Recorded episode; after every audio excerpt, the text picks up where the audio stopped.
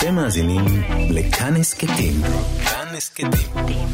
הפודקאסטים של תאגיד השידור הישראלי. גם כן תרבות. עם גואל פינטו.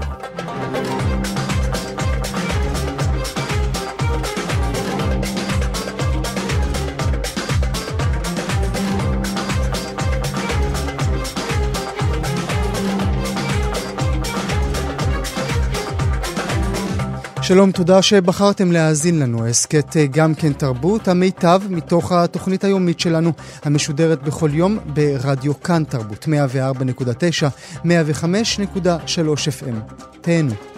גם כן תרבות, עם גואל פינטו. כאן תרבות 104.9, 105.3 FM, אתם על גם כן תרבות, מגזין התרבות של ישראל. מה התרחיש האופטימי ומה הפסימי לאחר ימות קורונה? חוקרים רבים, סוציולוגים, פסיכולוגים וגם עתידנים נוגעים בשאלה הזאת ברגעים אלה ממש, במאני טיים. כיצד תיראה הפוליטיקה ביום שאחרי, ומה בעניין הדיגיטלי? האם קורונה הפכה אותנו רשמית לשבויים של uh, אמצעי ניטור ומ... מעקב על ידי ממשלות ושליטים גם.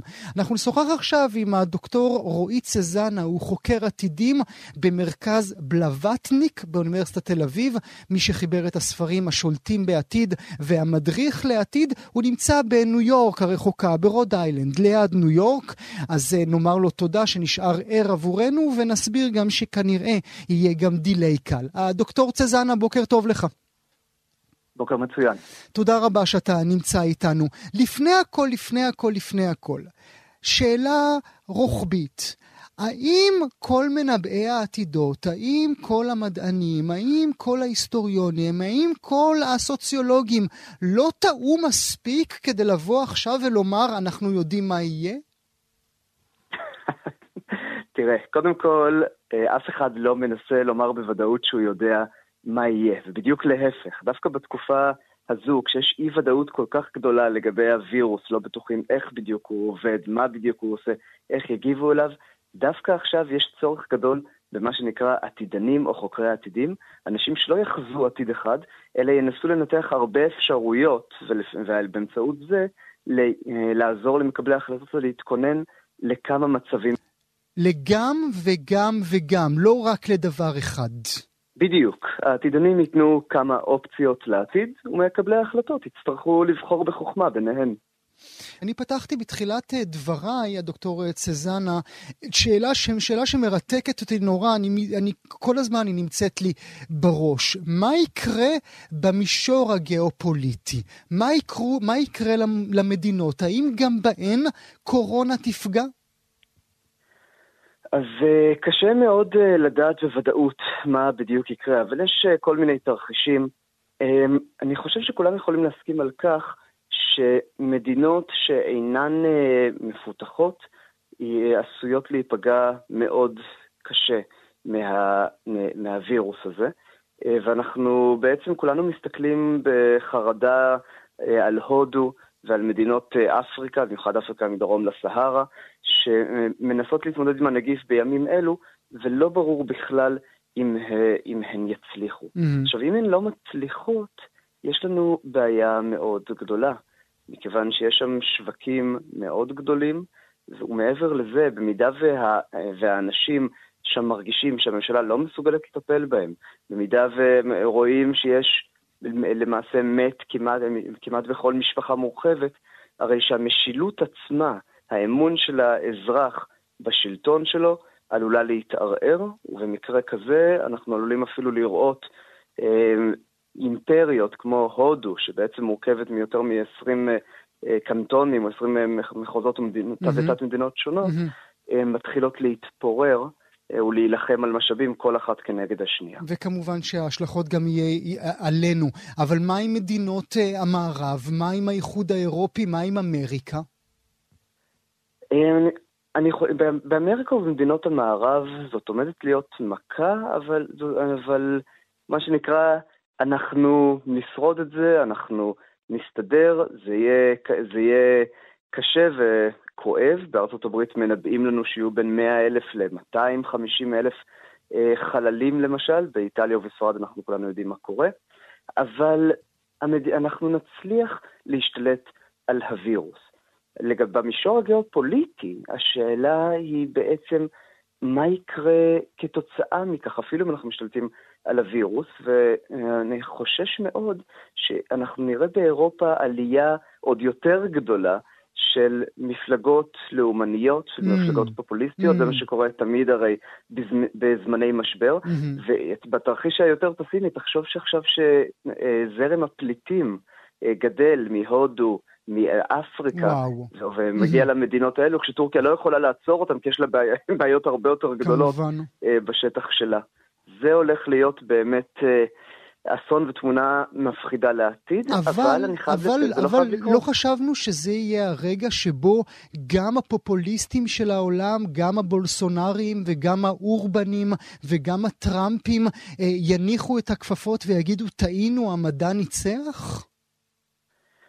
אוי, תראה, אפשר להגיד שהמדע ניצח, ועדיין אה, גם לומר אה, אה, בקלות רבה שאנחנו נשתמש בפירות שלו רק ובעיקר לעצמנו, ואנחנו רואים אה, מדינות בארצות הברית למשל, תת המדינות, אה, נלחמות בחירוק שיניים על כל, על כל המשאבים הרפואיים כנגד מדינות אחרות וכנגד הממשל הפדרלי עצמו. אנחנו רואים את איטליה אומרת ליצרני מכונות ההנשמה אצלה, שהם לא מייצרים כבר לאף מדינה אחרת, לא מייצאים, mm. אלא רק לעצמה. Mm. אנחנו רואים את הודו אוסרת על ייצוא של תרופה אפשרית אה, לנגיף, ואנחנו רואים גם את הפייק ניוז, אה, קבוצות שמטעם רוסיה ומטעם סין אה, ומטעם אה, מדינות מסוימות אחרות, פייק ניוז מופצים ברשת כדי לטעון שהנגיף הוא בעצם ביו-ופן, נשק ביולוגי, mm. שמי פיתח אותו? ארצות הברית. Mm. כלומר, לצערנו אנחנו רוצים, מתפללים, מקווים לאיזושהי אחידות בינלאומית, אבל כמו שאמר יפה דוקטור יובל נוח הררי, אין מבוגר אחראי והמדינות חוזרות מהר מאוד ונופלות להרגלים הישנים, וזה יכול להיות הרי אסון. ואולי אה, נעבור אל משהו נוסף שרמזתי עליו בתחילת אה, אה, דבריי, וזה עניין המעקב של אותן מדינות אחרי האזרחים. עכשיו הכניסו כל מיני פטנטים ואמרו לנו, זה בגלל קורונה, אתם צריכים את זה, והנה המחש... הטלפון החכם שלכם יגיד לכם אם עבר לידכם אדם, שהיה ליד אדם, שהיה ליד אדם, שהיה ליד אדם. מה יקרה ביום שאחרי? אמ, אני יכול להגיד לך מה, מה יקרה באופן ודאי. כלומר, אמ, או לפחות לפי ההסתמכות על ההיסטוריה, כשאתה נותן לממשל, שהתפקיד שלו בסופו של דבר הוא לשרת את האזרחים והוא להגן על האזרחים, כשאתה נותן לו כלים של מעקב אחרי האזרחים, הוא רוצה להמשיך להשתמש בהם. לא מתוך כוונה רעה mm-hmm. בהכרח, אלא פשוט מכיוון שזאת העבודה של השרים mm-hmm. ושל פקידי הממשלה להגן עלינו, ושל השוטרים וכן הלאה. Uh, הבעיה היא שבטווח הארוך יותר, מהרגע שאתה נותן לממשל גישה לכלים כל כך עוצמתיים, הם לא יוותרו עליהם, לא, הם לא יוותרו. אה, זה שהם לא יוותרו זה, זה משהו אחד, ואפשר, רשויות החוק יכולות, אה, יש חוק ומשפט בישראל, אפשר, אני חושב, לפקח על הכלים האלו, אבל בטווח הארוך, אה, אם מהרגע שנותנים את, יוצרים את הפרצה הזו, אם לא מקפידים ונזהרים מאוד, הרי שבטווח הארוך הכוח הגדול הזה אה, משחית. הוא משחית אה, מדינות, וקל מאוד גם לדמוקרטיות ליברליות היום להפוך הרבה יותר מדי בקלות למשטרים שבה, שבהם הכוח מרוכז ונמצא אצל מי שנמצא למעלה, לא, לא ישראל, חלילה, מה פתאום? אבל תסתכל בהונגריה, בפולין, mm-hmm. ברוסיה, בארצות mm-hmm. הברית אפילו, ואתה תראה את, ה, את המגמה הזו אה, שרק אה, ממשיכה לצערנו. צריך מאוד להיזהר שלא להגיע לזה. צריך אה, מאוד, להיז... מאוד להיזהר בהקשר הזה, ואולי מילה לסיום אה, במובן האישי, אם אתה מרשה לי. הזכרתי בתחילת דבריי שאתה מדבר איתנו בעודך יושב ברוד איילנד, ליד אה, ניו יורק. איך החיים שם, והאם אתה לא מת מפחד? אני אגיד ככה, קודם כל, רוד איילנד היא מקום יחסית בטוח, כי יש לנו מושלת שהיא מה שנקרא שפיצית. ומה זה אומר? ברגע שהיא הבינה את המצב, היא התחילה לסגור את, ה, את, ה, את המדינה. אגב, זו מדינה נורא קטנה, מיליון תושבים בסך הכל. אה, ומה שעוד, וזה מקשר אותנו לצערנו לצד אחר בשיחה, היא הודיעה ממש לפני שבוע שכל מי שמגיע מאזור ניו יורק עם רכב, עם לוחית זיהוי של ניו יורק, השוטרים קיבלו הנחיה לעצור את הרכב ול, ולבדוק שהבן אדם נמצא בבידוד או שהוא מתקדם לבידוד. Mm-hmm. ומושל ניו יורק אה, יצא מדעתו ו, ו, ואמר שחס וחלילה וחס ושלום, וזה נגד החוקה. ואגב, יכול להיות שהוא צודק.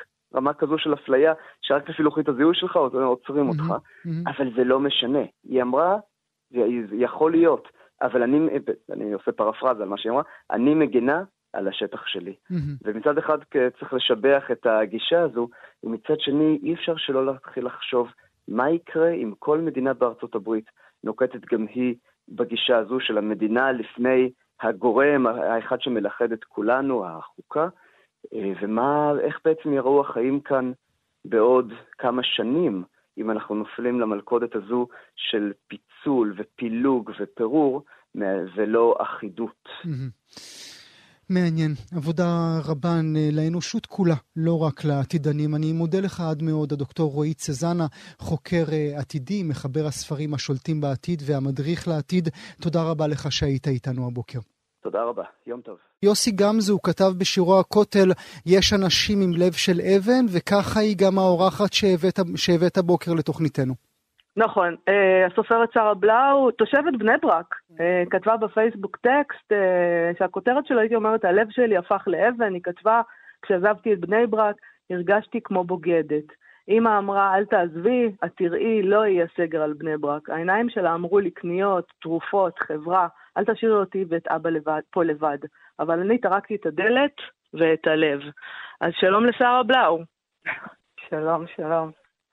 מה, וואו. מה, ספרי על הסתלבטות, זה חזק, תספרי כן, על לא, הסתלבטות העניינים. כן, לא, פתאום שמעתי אותך, כן, מקריאה את זה, ואפילו לב האבן שלי uh, התמוסס. אבל אני באמת חייבת לומר שאני, אני, אתם יודעים, אני עברתי כל מיני תקופות uh, מוזרות uh, בחיי, אבל אני כזה מה שקרה זה שבערך, אה, אני גרה בבני ברק, בדרך כלל אני גרה שם אה, בדירה לבדי. בחודשים האחרונים חזרתי בכלל לגור עם ההורים שלי, שרק זה שווה סיפור שלהם.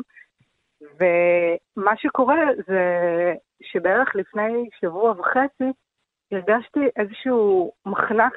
אתם יודעים, אני גרה בבני ברק, אבל טכנית פתאום הבנתי את זה גם. יש משהו במצבי משבר, במצבים קיצוניים, אתה פתאום מגלה כל מיני אמיתות על עצמך, לא כולן נעימות.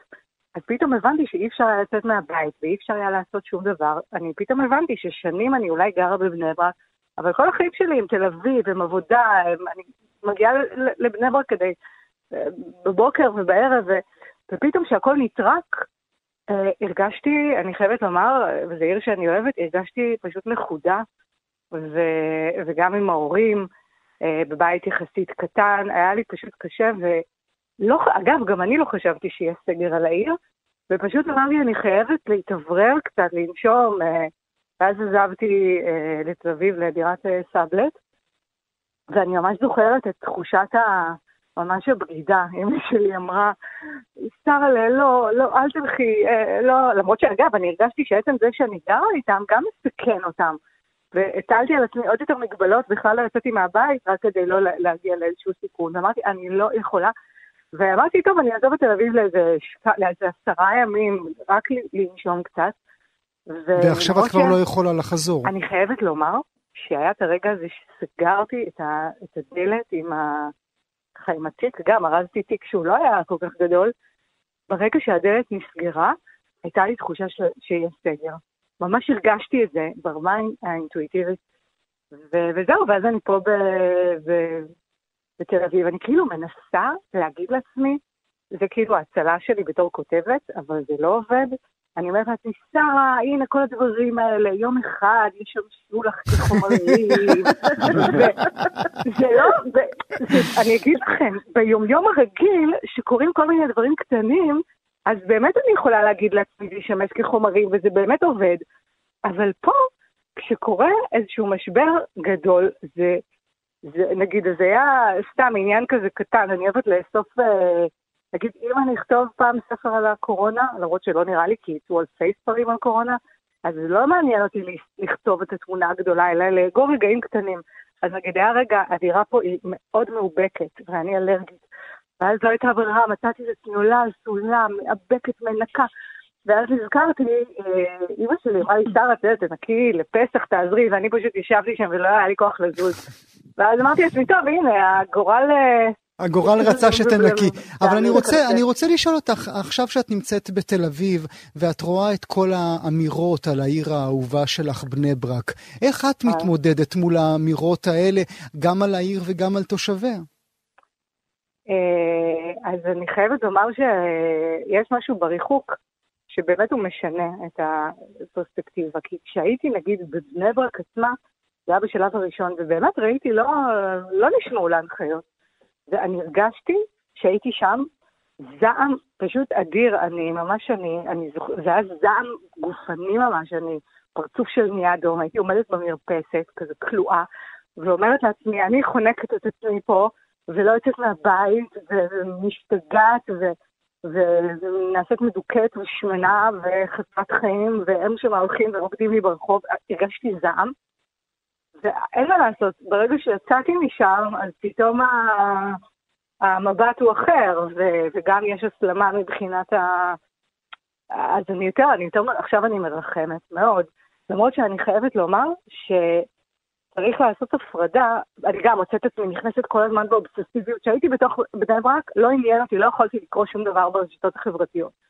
ועכשיו אני ככה ממש מוצאת את עצמי באובססיביות, אני כל היום ככה נכנסת, מרפרשת, קוראת כתבות, מחפשת, קוראת באיזושהי הנאה. אה, לא, אבל את גם רואה את האמירות הכמעט אנטישמיות מול, אה, מול תושבות ותושבי העיר. אז זהו, אז אני חייבת לומר שצריך לעשות חלוקה, באמת צריך לעשות חלוקה בין בין, לא כל ביקורת היא אנטישמית. כלומר, ברור שיש אמירות מזעזעות, אבל יש גם ביקורת שאני מאוד מקווה שהמשבר הזה יגרום לשינוי, אה, אתה יודע, תושבי העיר הם באמת מסכנים, אבל יש משהו בהנהגה, חסרת האחריות, המנותקת, המאוד בעייתית, שאני מקווה שישתנה. בגלל זה אני אומרת, לא כל ביקורת היא, אנטישמית, ואני גם חושבת שיש גם uh, חרדים עצמם שהם מבינים את זה ואולי יעשו משהו. אז אני אגיד לך, מבחוץ זה, זה לא נעים לי, אני, חלק מהדברים אני מצטמררת לקרוא, חלק מהדברים אני חושבת שהם נכונים, אה, אבל מה שמדהים זה שבאמת אני, אולי לכם יהיה הסבר, שכשהייתי שם לא עניין אותי לקרוא על בני ברק, וברגע שאני לא בבני ברק, אני באיזושהי הנאה מזוכיסטית, פטישיסטית, אובססיבית, לא מפסיקה, גם עכשיו אחרי השיחה שלנו, אני ארפרש שוב את זה אתר, מה זה, יש התחדשו התגובות, אני לא זוכרת את עצמי. אני חושב אבל, זה קשור כן. לטקסט שלך אולי, אה, מה שאת אומרת עכשיו, כי הטקסט שלך, אה, מעבר להיותו איזה עדות על עצמך, מעבר להיותו איזה פוסט, אה, עוד פוסט בפייסבוק, הוא מדבר על הפער הזה שבין בני ברק לתל אביב, שני עולמות מאוד מאוד מאוד שונים, גם ביחס של המדינה אליהם, גם ביחס של עצמם לעצמם, והפער הזה זה בעצם כרגע מקרה קיצון של איזה פער שאת ככה מדלגת מעליו כל החיים שלך, נכון. את כל הזמן קופצת בין בני ברק לתל אביב, נכון. בספרות שלך, בעשייה שלך, במנטליות שלך, זאת אומרת, עכשיו זה פשוט מקרה קיצון שפתאום את אומרת, נכון. וואו, בני ברק בסגר. כן, זה, אגב, זו הערה מאוד uh, נכונה, כי יש משהו, חלק גדול מהחיים שלי, שאני מאוד אגב נהנית מהם, ואני כן אוהבת את הדואליות, ו... אבל אין מה לעשות, אני חיה אותם עם איזושהי מידה של הכחשה, או חוסר החלטה, אני, אני לא החלטתי אף פעם איפה אני באמת, ו, ויש משהו במצב המשברי של האנשים כמונו שהם ככה גם וגם, או חצי חצי, או לא יודעים, או לא החליטו, או מדחיקים, וטוב להם עם זה, שאין מה לעשות, זה מכריח אותך להחליט הרבה דברים, איפה אתה גר, מה בדיוק אתה חושב על כל דבר, איפה, זה, זה מצב שעבורי הוא מזעזע, ההחלטה. אז, אז יכול להיות... אפרופו החלטה, שרה, אה, איפה את בסדר? מה, איך זה הולך להיות? אמ, אז זהו, אני חשבתי, לפני הסגר, היה לי ברור שאני אחזור, אה, כאילו שאני אעשה את הסגר, אני אחזור להוריי ואעשה את זה שם.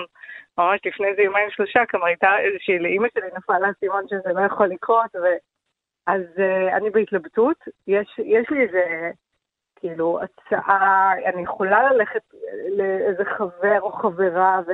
אבל אני, להגיד בכנות, יש לי איזושהי, יש גם את האופציה שאני אעשה את זה לבד, פה בדירה, כן. וכן, אה, גם, שוב, זה באיזשהו מקום סוטה וביזארי ומופרע.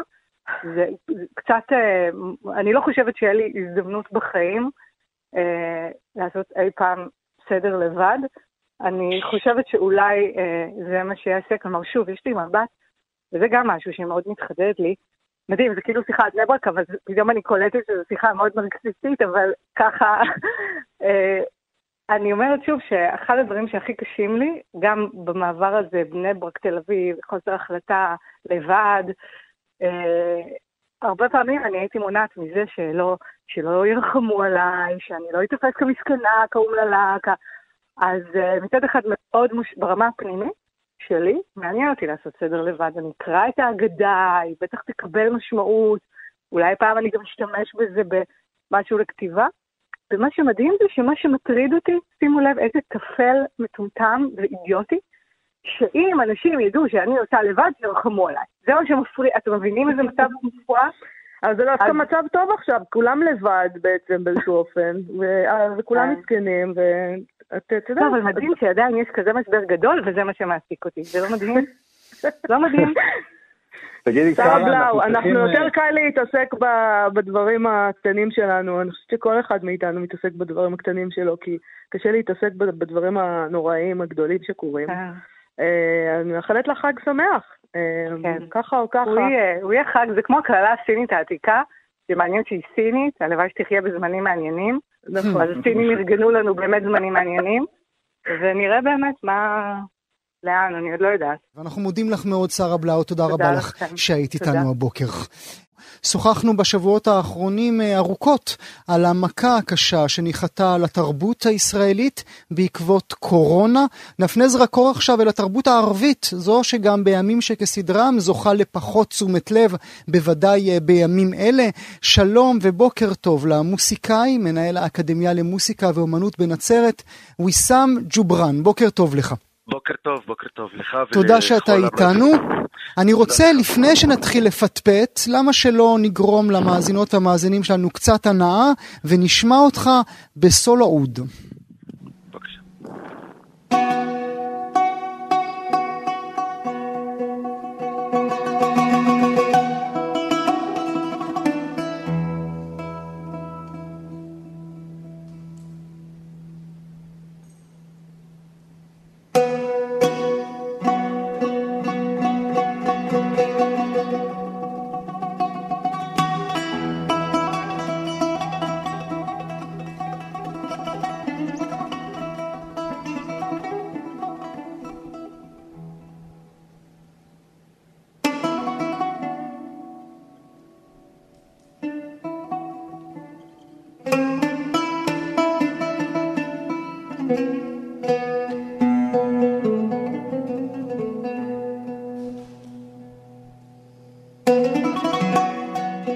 יפה, ויסאם. נשאיר את זה ברקע, אה, ברשותך.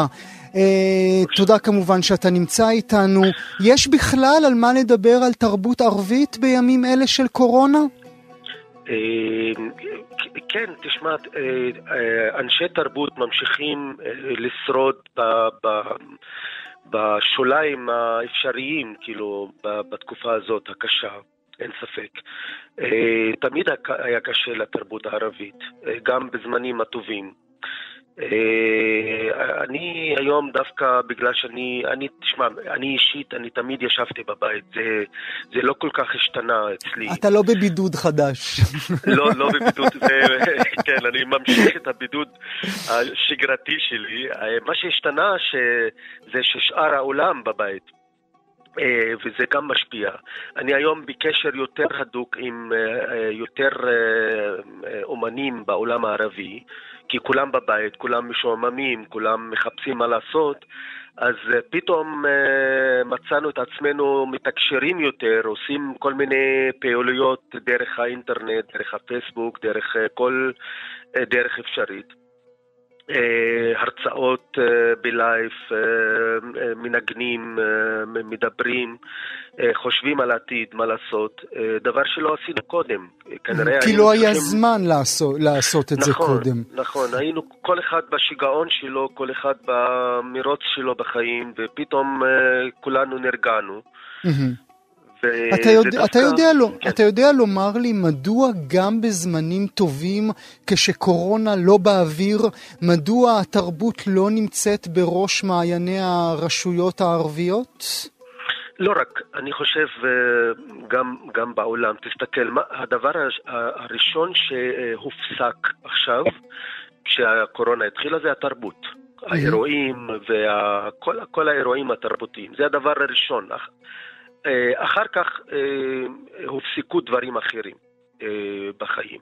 כאילו התרבות משלמת את המחיר, למה? כי זה לא, לא אוכל.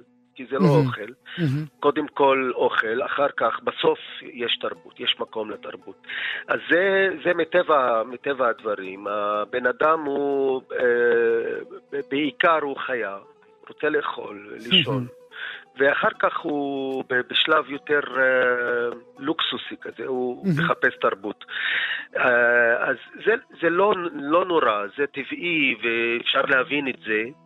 עכשיו, בעולם הערבי התרבות uh, uh, היא לא במרכז, uh, בגלל שכל ה, כל ה, כל המצב בעולם הערבי הוא מידרדר, כל המצב הוא אה, גרוע, הגרוע ביותר אולי בהיסטוריה של הערבים. אה, אולי מאז התקופה העבאסית, אה, נפילת המדינה העבאסית, עד היום לא היה דבר כזה בעולם הערבי. כמעט אין מדינות, אין, אין רג'ים, אין סיסטם, אין חיים נורמליים, מלחמות, בין אזרחים. וכולנו יודעים, אני לא צריך לספר mm-hmm, מה קורה בעולם mm-hmm. הערבי, כולנו יודעים מה קורה שם. אז תרבות כמובן משלמת את המחיר.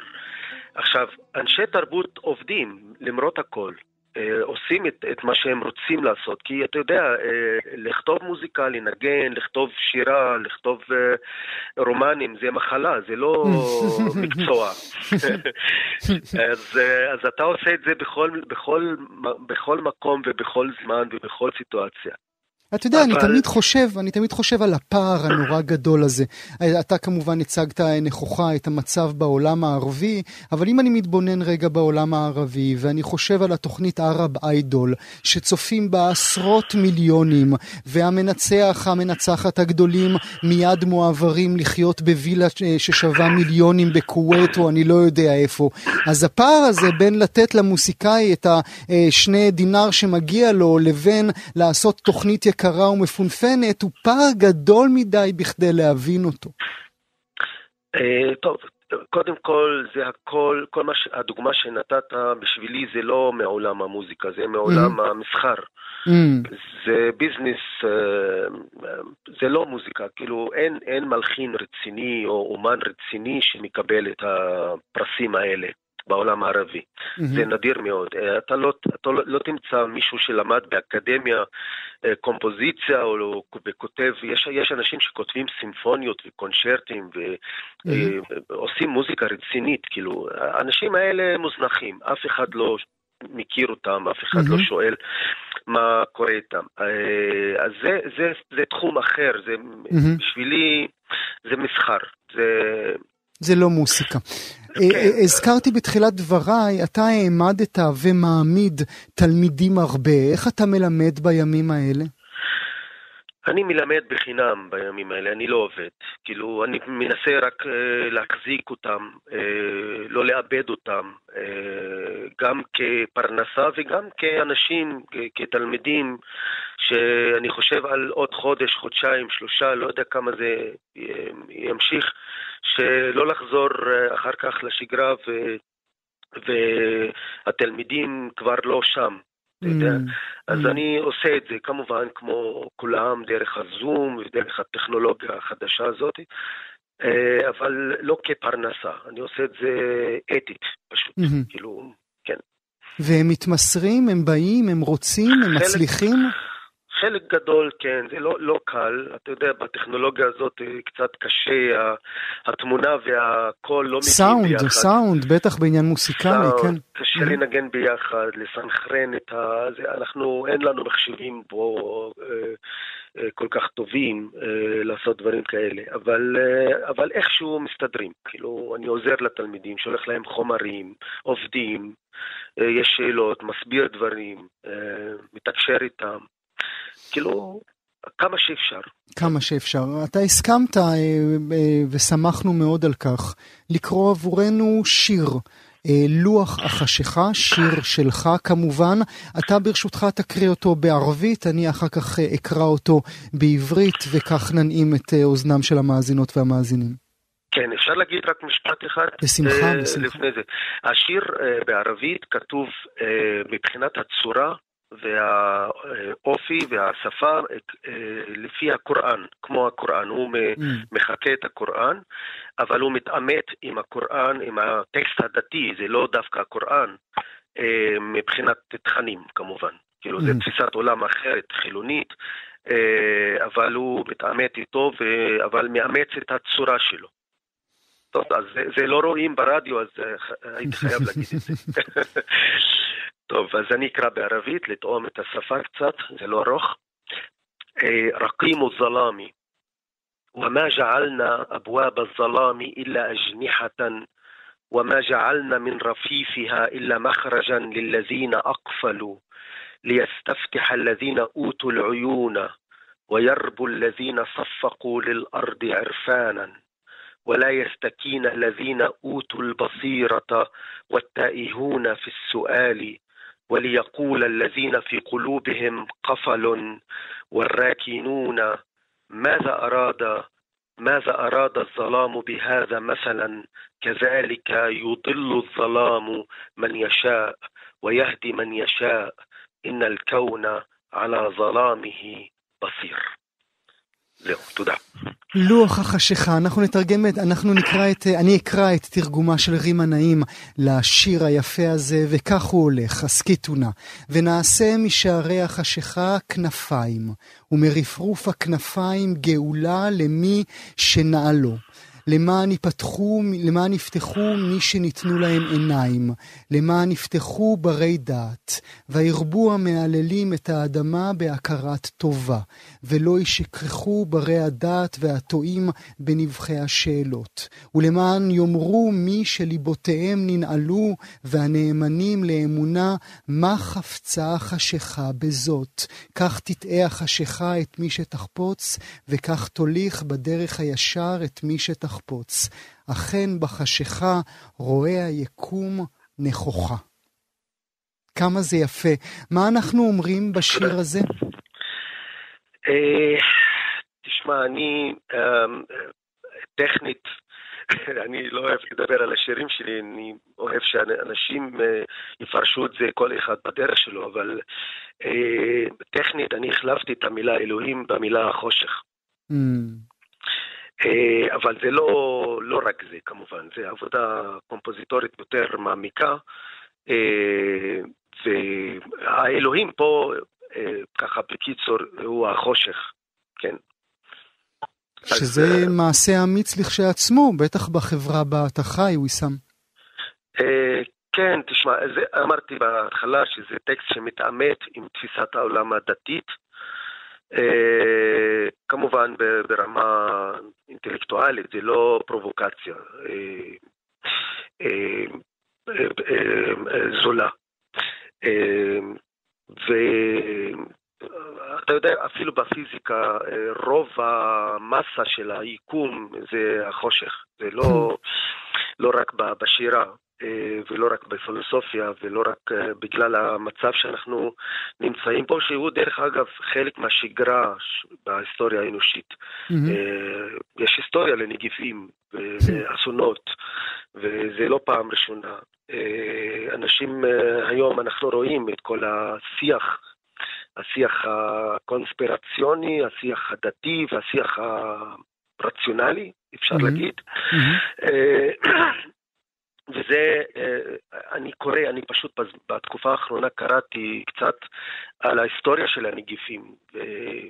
והיה מדהים לראות שלאורך ההיסטוריה זה אותו תפריט כל פעם.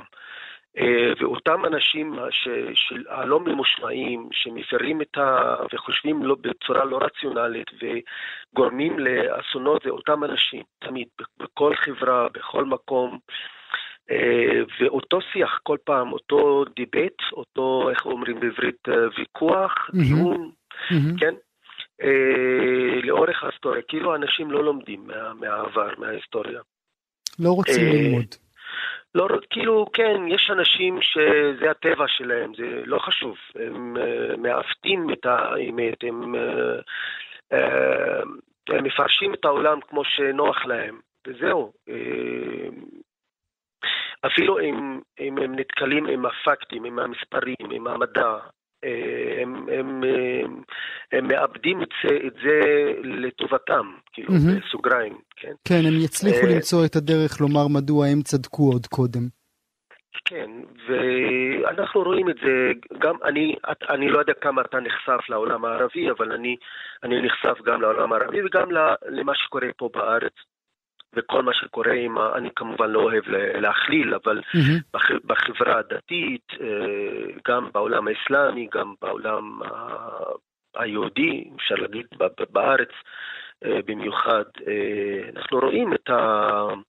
את השטח. אנחנו רואים, אנחנו רואים תופעות דומות למה שאנחנו רואים בעולם הדתי היהודי? כן, כן, אולי קצת פחות קיצוני. אה, גם בעולם הערבי קשה לדעת באמת מה קורה, אין שקיפות. Mm-hmm. כאילו, אין כל כך שקיפות כמו פה. פה יש מדיה, יש, אה, בכל זאת יש שקיפות אה, יחסית. בעולם הערבי קשה לדעת בדיוק מה קורה, אבל כן, פחות או יותר זה אותם, כאילו, ההתקהלויות זה תמיד ב, ב, בחברה מסוימת זה קורה, לא בכל מקום. Mm-hmm זה, זה חוזר על עצמו לאורך ההיסטוריה. כן, כן. אנחנו נוכל אה, רק להחזיק אצבעות ולקוות שהדבר הזה יהיה מאחורינו. אני אאחל לך חג שמח, אתה יודע, מחר הוא חג החירות, וחירות כולנו צריכים. ויסאם אה, ג'ובראן, תודה רבה לך שהיית איתי הבוקר. תודה, תודה. נעבור אה, מיד אל הנושא הבא שלנו. ב-1988 טבתה המוסיקאית אה, פולין אוליברוס את המושג Deep Listening, בליבו שכלול היכולת להקשבה עמוקה. נדמה שזה הרגע בו כדאי לצלול לתוך התודעה של המוסיקאית הזו, של אוליברוס, לקיים את מה שהיא ביקשה. כמה עוד פעמים בחיים שלנו אנחנו נהיה נצורים בבית, מקורח. ננסה גם להרחיב את התורה של אוליברוס, לא רק להאזנה עמוקה, אלא גם להתבוננות מעמיקה. נעשה זאת עם שניים, המלחין, הפרופסור עודד זהבי, בוקר טוב לך. בוקר מצוין. והאוצרת, רותי דירקטור, בוקר טוב רותי. בוקר טוב. תודה רבה שאתם נמצאים איתנו. אמור לי ברשותך, פרופסור אה, זהבי, מה אומרת לנו אוליברוס? מה היא רוצה? בעצם אוליברוס מדברת על משהו שהוא קצת ההפך מבואו אה, נקליט טרקים על אה, קליפ על קליק ונשלח אותם למישהו שיעשה מיקס ונקווה שזה יצלצל בסדר. היא בעצם אומרת שפעולת יצירת המוסיקה, כמו גם ההאזנה שלה, מבוססת על רטט. על רטט, על, על תנועה שמתרחשת לא רק בתחומי המוסיקה האומנותית, אלא בעיקר בטבע. היא אומרת, בואו תמצו לא רק את התחלת הצליל, אלא גם את המשמעויות שעולות ממנו, ושניתן לגלות אותן בעצם אה, רק מתוך התבוננות והקשבה מאוד מאוד אה, אה, מכווננת. אני רוצה mm-hmm. להרחיב טיפה ולהגיד שבעצם בצליל האחד יש כבר את כל הדרמה שאתה צריך. יש שם עתק ההתחלה של הצליל, אחר כך יש הדהוד, ובסוף יש את הרגע הכל כך עצוב הזה שהצליל דועך. בעצם לא צריך יותר מצליל אחד כדי לחוות מוסיקה מאוד מאוד לעומק. ואנחנו, אה, בגלל שאנחנו רוצים להיאטם, אם לא באמצעים אה, אה, טבעיים, אז באמצעות כל מיני כימיה. Mm-hmm. אנחנו לא רוצים להיחשף לכל הרגישות הזו.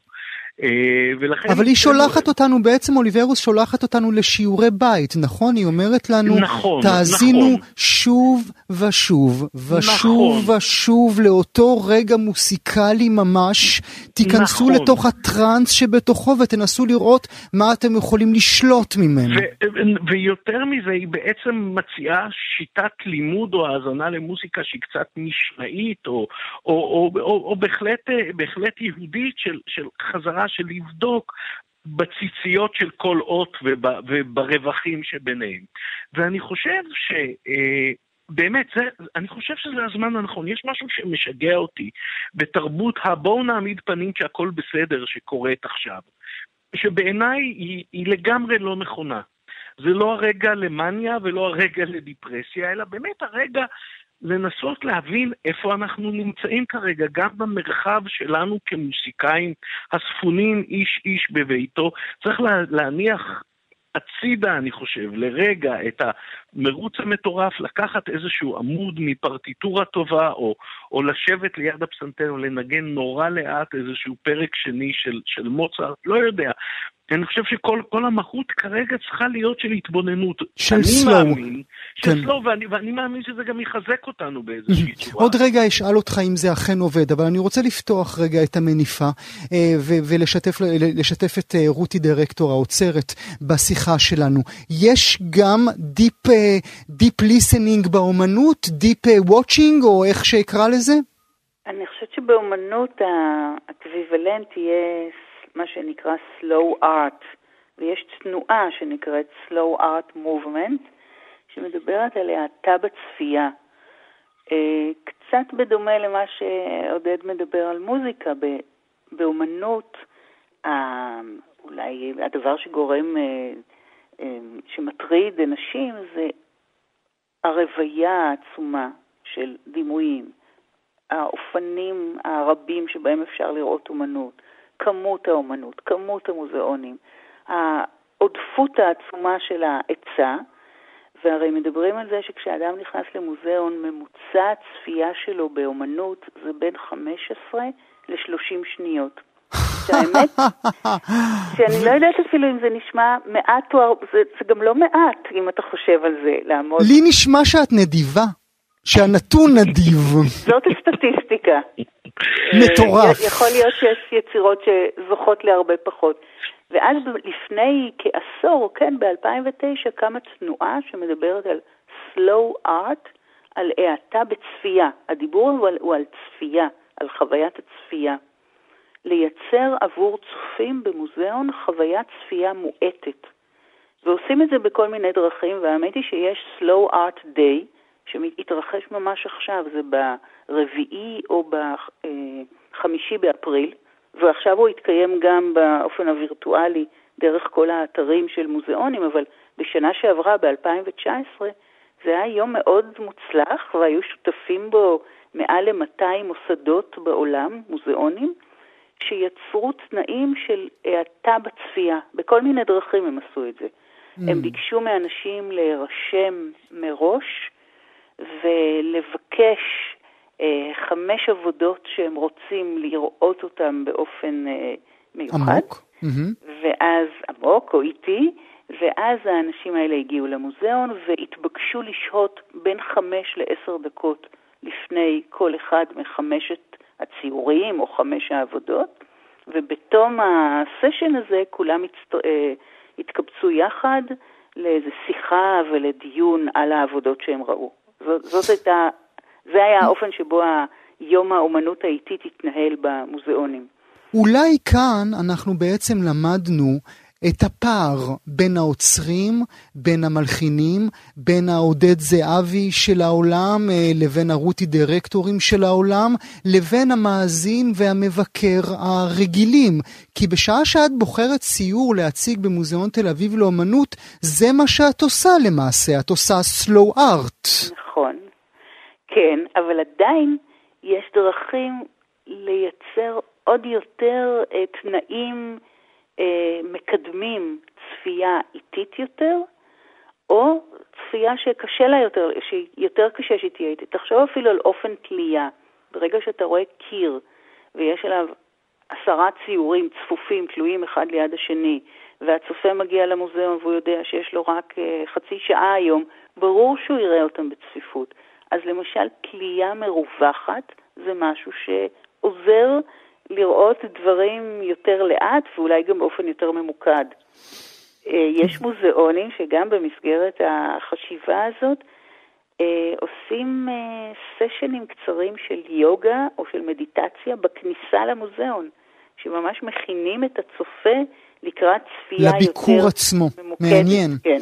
מעניין. נחזור אליך ברשותך, פרופסור זהבי. זה באמת עובד? כן, לגמרי.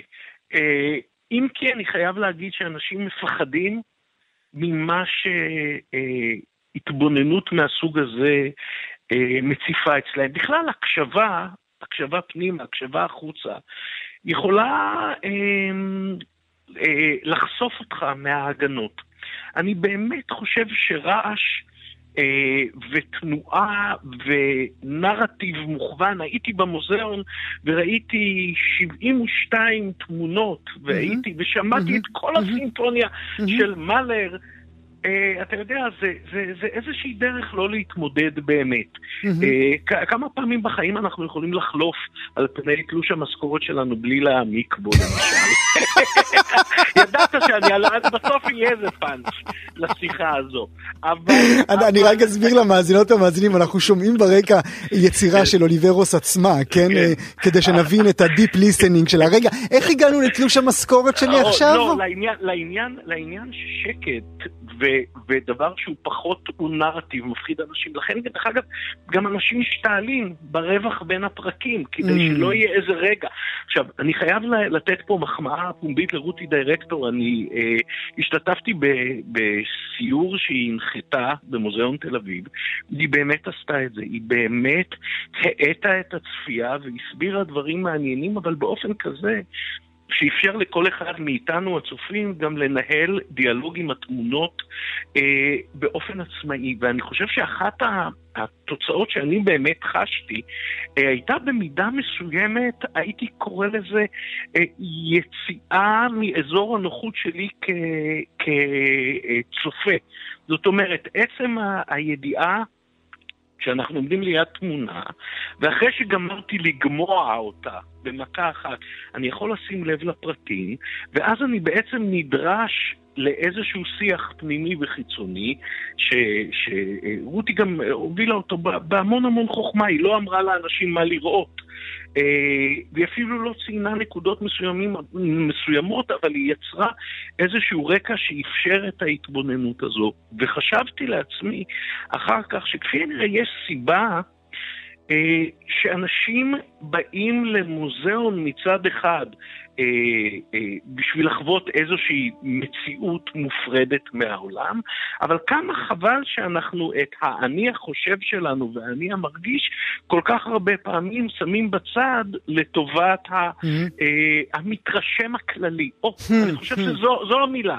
אני, בקוטב השני של, של ה-deep listening עומד המתרשם הכללי, או המתרשם בכלל, שהוא לא, לא זהה בעיניי לחווה, ואני חושב שאם יש איזושהי הזדמנות כרגע, שאנחנו לא רצים ממקום למקום, וכמה כבר אפשר לראות מהדורות חדשות, ולראות עוד מישהו שמעלה את הפרופיל הלא מעניין שלו לפייסבוק. אני חושב שזה הזמן אה, באמת לחזור לדפי הגמרא שלנו, של הפרטיטורות ושל התמונות ושל, ושל הסיורים הווירטואליים, אין רע בשום דבר שהוא כרגע מוקפא, וזה הזמן. זה הזמן. מילה לסיום, כי הגענו אל סיום, אה, אל סיום הרגע שלנו. רותי, תני לנו בבקשה המלצה. למה כדאי לעצור רגע, יצירת אומנות אחת שכדאי לעצור רגע ולהתבונן בה במהלך הימים הקרובים? וואו. אמ, אני רק אגיד אולי, קודם כל תודה לעודד, אבל אני רק אגיד רגע בסוגריים שלמשל נעשה אקספרימנט מאוד מעניין על ידי טי.ג'יי קלארק, שהוא כותב אומנות, חוקר אומנות אמריקאי מאוד חשוב, שבמשך כמה חודשים, בשנת 2000, התבונן בשתי רפרודוקציות של פוס, פוסן, של שני ציורים של פוסן, וכתב על זה ספר. מדהים. זאת אומרת, הוא עשה אקספרימנט גם לעצמו לגבי מדהים. כתיבה על אומנות. אז... ולשאלה? לשאלה, אני אגיד לך מה, אני הייתי מסוגלת להסתכל שוב ושוב ושוב. ציורים של צייר צרפתי בשם רובר אובר, mm. צייר שחי בסוף המאה ה-17, תחילת המאה ה-18, וצייר הרבה ציורים של הלובר, של הגרן גלרי של הלובר. ציורים של מוזיאון, של המוזיאון בראשיתו, שרואים את הגרן גלרי של הלובר פרוסה למלוא האורך, עם הקשתות הגבוהות, עם ציורים תלויים משני הצדדים בקומות, בארבע קומות. אנשים עומדים על פלטפורמות ומעתיקים ציורים, כי ככה הרי אז למדו לצייר, הסתכלו על ציורים. ציורים כאלה של מוזיאונים בתחילת דרכם שובים את ליבי. אז אני ממליצה על רובר אובר, שהייתה לו תערוכה ב... לפני שנה או שנתיים במרכז פומפידו, אז גם יש uh, הרבה רפרודוקציה, אפשר לראות עבודות אפשר שלו בקלות למצוא את העבודות שלו, כן. ולשקוע בתוך דימויים של מוזיאונים של פעם. אותי זה מרתק, אולי אולי עוד אנשים ימצאו. הציורים יפהפיים, כך או כך. נאמר תודה, רותי דירקטור, חג שמח שיהיה לך, תודה רבה לך שהיית איתנו. הפרופסור עודד זהבי, כנ"ל, תודה רבה לך, חג חירות שמח. תודה רבה. כאן הגיעה לסיומה תוכנית נוספת של גם כן תרבות. כרגיל, אנחנו שולחים אתכם לעמוד הפודקאסטים שלנו, עמוד ההסכתים, בכתובת כאן.org.il/פודקאסט, שיהיה לכם מה להאזין. תודה שהייתם איתנו.